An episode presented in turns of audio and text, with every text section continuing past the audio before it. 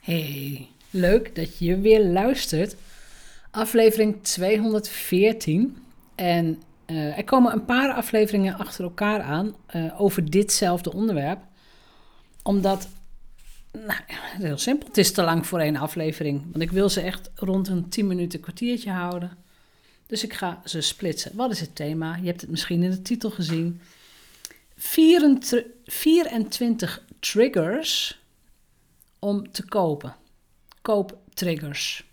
En een trigger is, weet je, net dat drempeltje of net, net dat zetje wat je mensen kunt geven om, om iets van jou te kopen. Die 24 triggers, die zijn oorspronkelijk beschreven in het boek Adweek Copywriting Handbook, geschreven door Sugarman. Uh, en ik, ik heb daar gewoon een kleine samenvatting van gemaakt als je hierin geïnteresseerd bent, ja, lees de boeken zelf. Hè, duik erin. Want er staat natuurlijk nog veel en veel meer in. Ik heb ook, het, um, ik heb ook deze 24 triggers weer gevonden in het boek Copywriting. Dubbele punt, tips and tricks for effective persuasive copywriting van Mark Roberts. Nou, als je de boeken niet kent, ik zal in de show notes in ieder geval een verwijzing zetten. Maar hoe fijn is het dat iemand voor jou. Uh, A, dit heeft opgeschreven en dat ik nu voor jou de samenvatting opneem. Dus ik, ik denk dat het fijn is. Omdat het een, een, een meer tutorial-achtige ja, aflevering gaat worden en de komende afleveringen ook, zou ik zeggen: pak pen en papier erbij. Stop de opname af en toe. Gewoon omdat je dan ook mee kunt schrijven en dat je daar dat je ook terug kunt kijken. Wat zijn nou de 24 triggers en welke kan ik inzetten? Want alle vier, of alle 24 is misschien een beetje veel, maar welke kan ik inzetten? Met een goed gevoel, met, um, nou, met, nou ja, daar ben ik aan gewend, of daar is mijn publiek aan gewend. Um, ja, welke doen het voor mij, om het zo te zeggen. Maar om dat te kunnen beslissen, zou je eerst de lijst gewoon volledig moeten hebben. Dus uh, luister ook de vervolgafleveringen. Dus zit je klaar met pen en papier? Stop anders de opname even, toe maar. Stop maar. Daar ben je weer. Ja. Pen en papier, 24 triggers en we beginnen bij trigger nummer 1. In het Engels heet die Feeling of Involvement or Ownership. Die heb ik vertaald in um, de lezer of de aanstaande koper voelt zich betrokken en ook belangrijk. En let wel, dit zijn triggers voor copywriting. Dus welke tekst gebruik je zodanig dat mensen uiteindelijk van je kopen? Deze trigger begint met, met al een goede headline. Een headline die uitstraalt van, oh, dit is voor mij. Bijvoorbeeld heb je jonge kinderen, ben je, hè, ben je moeder, heb je jonge kinderen en er staat in de headline zoiets als um, moeders met jonge kinderen, of, een moeder met jong, jonge kinderen bouwt een bedrijf van seven figures op, ik noem maar iets. Dan denk je, huh, kan dat? Of je doet hem andersom, meer negatief. Um, moeders met jonge kinderen kunnen nooit een bloeiende business opbouwen. Dan denk je, huh? waarom niet? Um, als je echt over headlines dingen wilt weten, ga gewoon naar, meer naar de, de clickbait-achtige copy. De roddelbladen en zo, die zijn daar heel goed in. Maar wat je wilt met deze eerste trigger, je wilt dat jouw lezers uh, zich betrokken voelen bij wat jij gaat delen. En ze hebben er ook belang bij om jouw content te lezen. Er kan al een, een soort vorm van community inzetten van ja, jij, jij, jij hoort daarbij. En een van de dingen die mij bijvoorbeeld um, op, volgens mij was het op Instagram opviel, ik kwam ineens een account tegen. Um, volgens mij zat het zelfs ook in de Instagram naam. En de doelklant, het was alleen maar bedoeld voor oudste dochters. Dus de oudste dochter in een gezin. En toen dacht ik, oh ja, dat ben ik. Ja, hoe simpel is het? Van, oh ja, dat ben ik. En het stom is, dan ga je het toch even lezen. En, het is, het, soms is het heel simpel, dus richt jij je op tandartsen, ja, dan, dan, en een tandarts leest iets van, um, nou ja, hoe een tandarts minder werkt en meer verdient. Ik doe het, ik zeg het even heel plat. Dan denkt die tandarts, oh, dat is interessant, dat is voor mij. Bedoel, iemand die, weet ik veel, bloemist is, die zal niet denken dat is voor mij, want oh, het is voor tandartsen. Dus die, die community en ook dat gevoel enzovoort, dat zit in deze trigger. En wat je met deze trigger doet, is dat jij je lezer belangrijk maakt. Um, ze worden gezien en ze krijgen ook een antwoord op een eventuele worsteling die ze hebben. En natuurlijk komen hier, hè, hier komt storytelling bij, hier komen testimonials bij enzovoort. Maar de trigger van betrokkenheid en belangrijkheid is trigger nummer 1. Dus uitgeschreven met pen en papier. De lezer voelt zich betrokken en belangrijk. Nummer 2. En dat is gelukkig eentje die in Nederland heel normaal is, heel gewoon. Tenminste, ik zie hem veel, misschien soms wel te veel. Trigger nummer 2 is in het Engels honesty en in het Nederlands eerlijkheid. Eerlijk zijn over wat je bereikt hebt, wat je klanten bereiken. Eerlijk zijn over je credentials, maar ook, voor mij is dat ook, en dat heeft ook te maken met transparantie, gewoon eerlijk zijn over je prijzen. Er zijn hele discussies geweest in het verleden en ik, ik, ik heb daar natuurlijk ook, ik heb ook aan de discussies meegedaan en ik heb ook verschillende dingen getest, maar bijvoorbeeld je prijs op de website zetten. Waarom? En dan zeg ik het even heel erg vanuit mijn nuchtere nonons. Kijk, waarom zou je de prijs er niet op zetten? En wat ik geleerd heb en waar ik het dus nu niet meer mee eens ben, is: ja, je moet ze, um, hè, je, moet, je moet mensen, um, nou ja, de pijn helemaal induwen. Dus je moet ze, ze moeten wanhopig zijn en ze moeten jou zien als de oplossing. Dus goede copywriting is belangrijk. Maar aan de telefoon, hè, je moet ze aan de telefoon krijgen, je moet een call hebben of aan de Zoom krijgen. En tijdens die call heb je een, een, een strategiegesprek waarbij je ze zo'n beetje de tafel oversleurt en waarbij een klant ja zegt. Oftewel, het vraagt ook veel van je salesvaardigheden, copywriting, sales, allemaal belangrijk. En tijdens dat gesprek overtuig jij die klant ervan dat ze met jou moeten werken. Nou, na al mijn jaren ervaring ben ik het niet meer met deze aanpak eens. Ik heb al mijn prijzen op de website staan. Ook mijn duurste product, ook het product van 15.000 euro. De prijs staat er gewoon bij. Want wat gebeurt er als iemand een call inboekt met mij? Die heeft totaal geen vragen meer over, bijvoorbeeld over de prijs. Dus het prijsbezwaar, het is te duur, krijg ik nooit meer. En ik weet dat de mensen luisteren die hiermee worstelen, van ja, maar ze vinden mij te duur.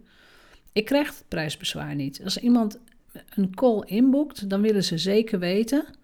Ze willen meer een geruststelling dat ze de goede keuze zouden gaan maken. Ze willen weten of ze met mij kunnen werken. En ze willen ook weten uh, of ik met hen kan werken. Of, of die klikker is, of ik inderdaad de mogelijkheden zie waarvan ik zeg dat ik ze zie. Dus die eerlijkheid. Ik geloof er heel erg in. Uh, eerlijkheid, rauwheid, zonder dat het doorslaat in, in koketteren met je slachtoffergedrag. Want ik noem dat koketteren. Van, ah, kijk eens hoe zielig ik ben. En oh, kijk eens hoeveel pech ik heb gehad. En uh, weet je, dat, dat eindeloze teruggaan naar... Ah, ik heb het allemaal zo zwaar dat vind ik dan ook weer. Dus het is een, het is een, het is een, het is een balans. Het is delicaat. Maar eerlijkheid is een van de grootste redenen, denk ik, waarom de ene persoon veel gemakkelijker verkoopt dan de ander. Dus eerlijkheid ook, een, delen over jezelf, kwetsbaarheid, zit hier allemaal bij. Dus trigger nummer twee, schrijf hem op. Eerlijkheid, of in het Engels honesty. Trigger nummer drie heeft er meteen mee te maken. Integriteit. En ik heb daar al vaker ook over gesproken. Integriteit en ook zelfintegriteit. En integriteit heeft ook te maken met uh, wat mensen over jou zeggen als jij zelf niet meer in de kamer bent. Heeft ook te maken met de beloftes die jij doet op je salespage en de uitkomsten die jouw klanten krijgen. En je kunt, je kunt in het begin mensen echt voorliegen, om het zo te zeggen. Dat kan. Of je niet aan afspraken houden. Maar uiteindelijk komt dat als een soort boemerang op je terug. Dus ehm, opscheppen zie ik bij mijn klanten niet. Dus, maar het andere, um, daar is niet echt een woord voor, maar onderscheppen, hoe zeg je dat? Dus te bescheiden zijn, dat zie ik veel te veel. Als je, in, als je eerlijk en integer bent, dan mag je ook je waarde gaan claimen. Dan mag je ook zeggen, ja, maar ik ben de expert. Ik heb die 25 jaar ervaring. Ik heb mijn kinderen al groot ik heb dit en dat gedaan. Dat hoort er ook bij. Dus op het moment dat jij eerlijk en integer omgaat met je copy, want dit gaat echt over hè, de teksten die je gebruikt, copywriting, dan blijven mensen aangehaakt. Op het moment dat jij ze één keer voorliegt, ehm, dan zijn mensen weg. Dus uh, zorg dat je altijd integer werkt en ook zelf integer werkt. Afspraken die je maakt, maak je niet alleen met een ander, maar ook met jezelf. Dat was trigger nummer drie. Dus integriteit. Trigger nummer vier. In het Engels credibility en in het Nederlands geloofwaardigheid. En het, ze zijn expres in deze volgorde, want eerlijkheid en, en integriteit, dus trigger 2 en 3, bouwen op naar geloofwaardigheid. iemand die eerlijk is en zich aan zijn afspraken houdt enzovoort, die wordt geloofwaardig. En dan zijn er natuurlijk allerlei manieren, zoals bijvoorbeeld testimonials en interviews enzovoort, eh, dat andere mensen dat kunnen bevestigen. Eh, waardoor jouw geloofwaardigheid nog, nog sterker gaat, gaat stijgen. Hè? Dus misschien ken je wel de no, like en trust factor. Ze moeten je leren kennen. Mensen moeten je aardig vinden of in ieder geval sympathiek vinden. En ze moeten je gaan vertrouwen. Nou, daar komen eerlijkheid en integriteit aan bod. En dan kun je nog allerlei andere um, ja, copywriting dingen inzetten om je geloofwaardigheid te gaan vergroten. Op het moment dat mensen jou geloofwaardig vinden en vertrouwen in je hebben, zijn ze natuurlijk veel meer geneigd om, om iets bij te gaan kopen of in een programma te stappen. Dus op het moment dat je geloofwaardig bent, gaan ook, um, gaan ook jouw huidige klanten aan de slag voor je. Weet je, dan worden dat ook jouw ambassadeurs. Dus weet je, ook al heb je geen, geen grote lijst of een salespage of wat dan ook, werk aan deze eigenschappen. Zorg dat je geloofwaardig bent. Zorg dat je heel goed weet ook waar je beperkingen liggen, waar je grenzen liggen. Dus ja, gemiddeld genomen, en dan zeg ik het, weet je, misschien is het ook weer een opsteken voor jou als luisteraar. Uh, my people, my kind of people, mijn studenten, maar ook mensen die op mijn lijst enzovoort die hoeven hier helemaal hun best niet voor te doen. Want die hebben dit al, die zijn al eerlijk en integer en die zijn al geloofwaardig. Uh, die hebben veel vaker uh, nog moeite met positionering en met het echt omarmen van hun waarden. Maar ik wil ze toch gewoon genoemd hebben. Een, van de 24 kooptriggers is gewoon geloofwaardigheid. Dus zorg dat je dat ook, dat, dat je dat ook niet beschaamt. Zorg dat je um, je aan je afspraken houdt. Lukt het een keer niet, de, lukt het niet om je, om je aan je afspraak te houden, dan meld je dat dus ook gewoon. Van sorry, er is iets tussengekomen of er is iets belangrijks of ik ben ziek of weet ik veel. Um, of ik heb gewoon ik heb een slechte week of eh, zorg dat je het meldt. En zorg dat je het goed maakt. Want gewoon afzeggen en dingen niet doen, nee, zorg dat je het goed maakt. Dus nummertje 4 was geloofwaardigheid. Opgeschreven? Dan krijg je nog één trigger in deze opname en de volgende vijf triggers komen in de volgende podcast. Dus dan moet je morgen weer naar gaan luisteren. Nummer 5. Nummer 5 in het Engels is value en proof of value. Die heb ik vertaald als uh, lever waarde en lever daar ook het bewijs van. Dus waarde en het bewijs daarvan. Want wat er ook gebeurt, wat je ook aanbiedt, een potentiële koper gaat altijd vergelijken met, met anderen, met, met je concurrenten, met hoe je het ook wilt noemen. En het allerbelangrijkste wat jij kunt doen als ondernemer is zorgen dat je een product hebt sowieso wat veel lastiger te vergelijken is. dat is de reden dat ik met mijn studenten werk aan het definiëren van hun eigen unique mechanism. Dus wat maakt ze uniek? Uh, en dat is echt een proces van, van soms een paar weken. Uh, dat is ook de reden dat ik mensen ja, aanspoor tot het vastleggen van hun eigen methodiek. En dat is allemaal wel meer voor geavanceerde ondernemers, weet ik wel. Maar wat is de waarde die jij levert? En de waarde die jij levert, uh, dat kan echt van alles zijn. Hè? Dat zijn harde criteria als meer omzet of meer vrije tijd. Dat zijn ook zachte criteria als meer zelfvertrouwen of um, ja, ik word nu gezien als de expert, want de pers belt mij. Dat kunnen ook zachte criteria zijn als ik ben onderdeel van die community. Dus ik hoor daarbij. Ik, ik, ik, ik, vind me pret, ik voel me prettig in deze groep. Dat is allemaal waarde. En om je echte waarde te weten, moet je voortdurend in gesprek blijven met, met je eigen klanten. Feedback vragen, ideeën voorleggen, vragen hoe ze dit en dit ervaren hebben.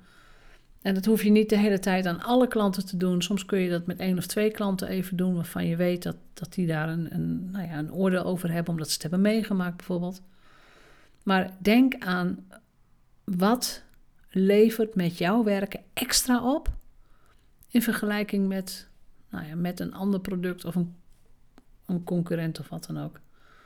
Kijk, bedrijven die hier, nou, die hier bijvoorbeeld goed in zijn, of in elk geval goed over na hebben gedacht. Een bedrijf als bijvoorbeeld Starbucks.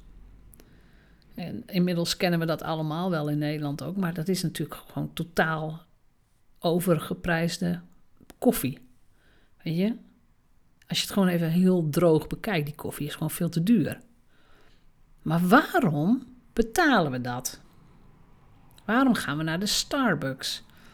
En dat heeft te maken met heel veel extra waarde die de Starbucks levert vanuit een, ook vanuit hun missie. Um, oftewel, ze geven heel veel mensen een kans om bij ze te komen werken. Ze staan open voor alle. Nou, iedereen die bijvoorbeeld geen diploma heeft gehaald of wat dan ook, iedereen kan terecht bij de Starbucks. En dan positief gezien, mensen krijgen daar een kans een kopje koffie bij de Starbucks kopen is veel meer een experience dan bijvoorbeeld even bij de AH to go uh, via uh, met, je, met je pinpas een kopje uit de automaat halen. Het is een experience. Je naam wordt op de beker geschreven. Eigenlijk altijd fout gespeld. Hoort waarschijnlijk ook bij de strategie. Uh, je kunt al die, al die siroopjes eraan toevoegen en je kunt wel of niet met amandelmelk of weet ik veel. En wat Starbucks in, zeker in Amerika heeft gedaan, is dat ze een, uh, de functie van buurthuis hebben overgenomen. Bij de Starbucks mag jij gewoon met je laptopje gaan zitten, je mag een kopje koffie nemen en je mag de hele dag zitten. En volgens mij doen de meeste Starbucks-vestigingen daar totaal niet moeilijk over. Ik heb echt vaak ook bij de Starbucks gewerkt. En nou ja, zolang je maar een kopje koffie of af en toe een broodje of een koekje, weet ik veel wat bestelt. Uh, ik heb nooit een vraag gehad. Nooit. En de toiletten zijn goed en de wifi is goed en de airconditioning deed prima. Oftewel, je betaalt niet alleen voor die koffie, je betaalt voor het hele concept. Je betaalt voor die hele verzorging. En dat is waarde toevoegen. Dus voor jou geldt, wat kun jij extra toevoegen aan, aan jouw kennis of aan je dienstverlening? Waardoor iemand zegt, ja, daar heb ik echt wel een paar duizend euro voor over.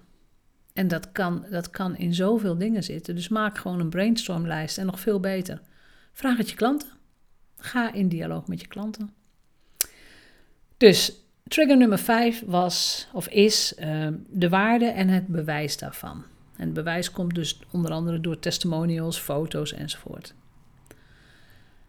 Dit zijn de eerste vijf. Morgen kun je de volgende verwachten.